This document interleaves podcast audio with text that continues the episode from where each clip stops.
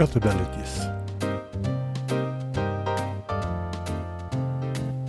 Verhalen over alles en niets.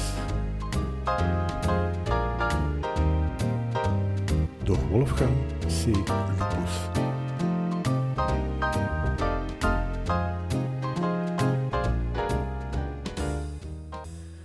Er is een drol gestolen in België. Niet zomaar een drol, een koninklijke drol. Of, tenminste, de drol van een koningin. De koningin der rabatsteden, Oostende. Een of andere onverlaat heeft besloten dat hij, na het nuttigen van meerdere benevelende consumpties, de weg naar huis niet meer kan vinden.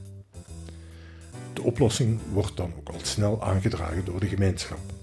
Een verdwaalpaal. Zo'n spuuglelijk ding, indien we het windmolen zouden noemen, zou niemand het in zijn achtertuin willen hebben, dat kinderen moet helpen de weg naar hun ouders terug te vinden op het strand. En daar kiezen wij een drol voor. Moest het een windmolen zijn? Actiecomité's zouden als paddenstoelen uit de grond schieten. Burgerbewegingen zouden van zich doen spreken. Liefhebbers van artistieke bezigheid zouden de lelijkheid van het ding aanklagen. Milieubewegingen zouden een of ander zeldzaam biotoop vinden om te beschermen.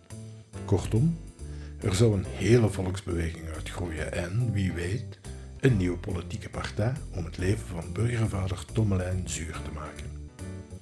Maar zie, een of ander onverdroten middelachterlijk wandelaar of zwiemelaar heeft in één klap beide problemen opgelost. Voor ons en zo ook de gemeenschap bergen tijd, geld en energie uitgespaard. Met een zaag en een zatte kop, waarschijnlijk, velde hij het onding, plaatste het waarschijnlijk op zijn schoorsteen om al dus elke avond ongehinderd de juiste deuren open te beuken en zich te rusten te leggen. Maar wat zal die arme man nu doen? Op de schoorsteen kan niet meer. Met de klachten en de nieuw verworven bekendheid van het lachende kakske zou het ook de buren, beneveld of niet, wel opvallen. En wat doe je dan met zo'n ding? Op je kast zetten? Het op de kast is iets anders dan een onnozel postuurke van een herdersjongen.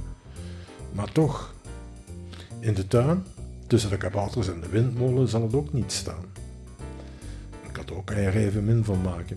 Wie geeft een ander nu een drol cadeau voor de verjaardag? Ondanks de dienst die hij de ouders bewezen heeft, die op die plaats op het strand vertoeven, vrees ik dat hij er geen kant mee uit kan. Jawel, een dienst. Wie gaat nu vier nadien vertellen dat jullie afgesproken hadden aan de stront op het strand? Niet echt een verhaal om na de vakantie op school te vertellen, lijkt mij. Maar niet gewanhoopt. Misschien kan hij het composteren en zullen er ergens in Oostende en een Oostense wijk de rozen net wat roder bloeien dan elders.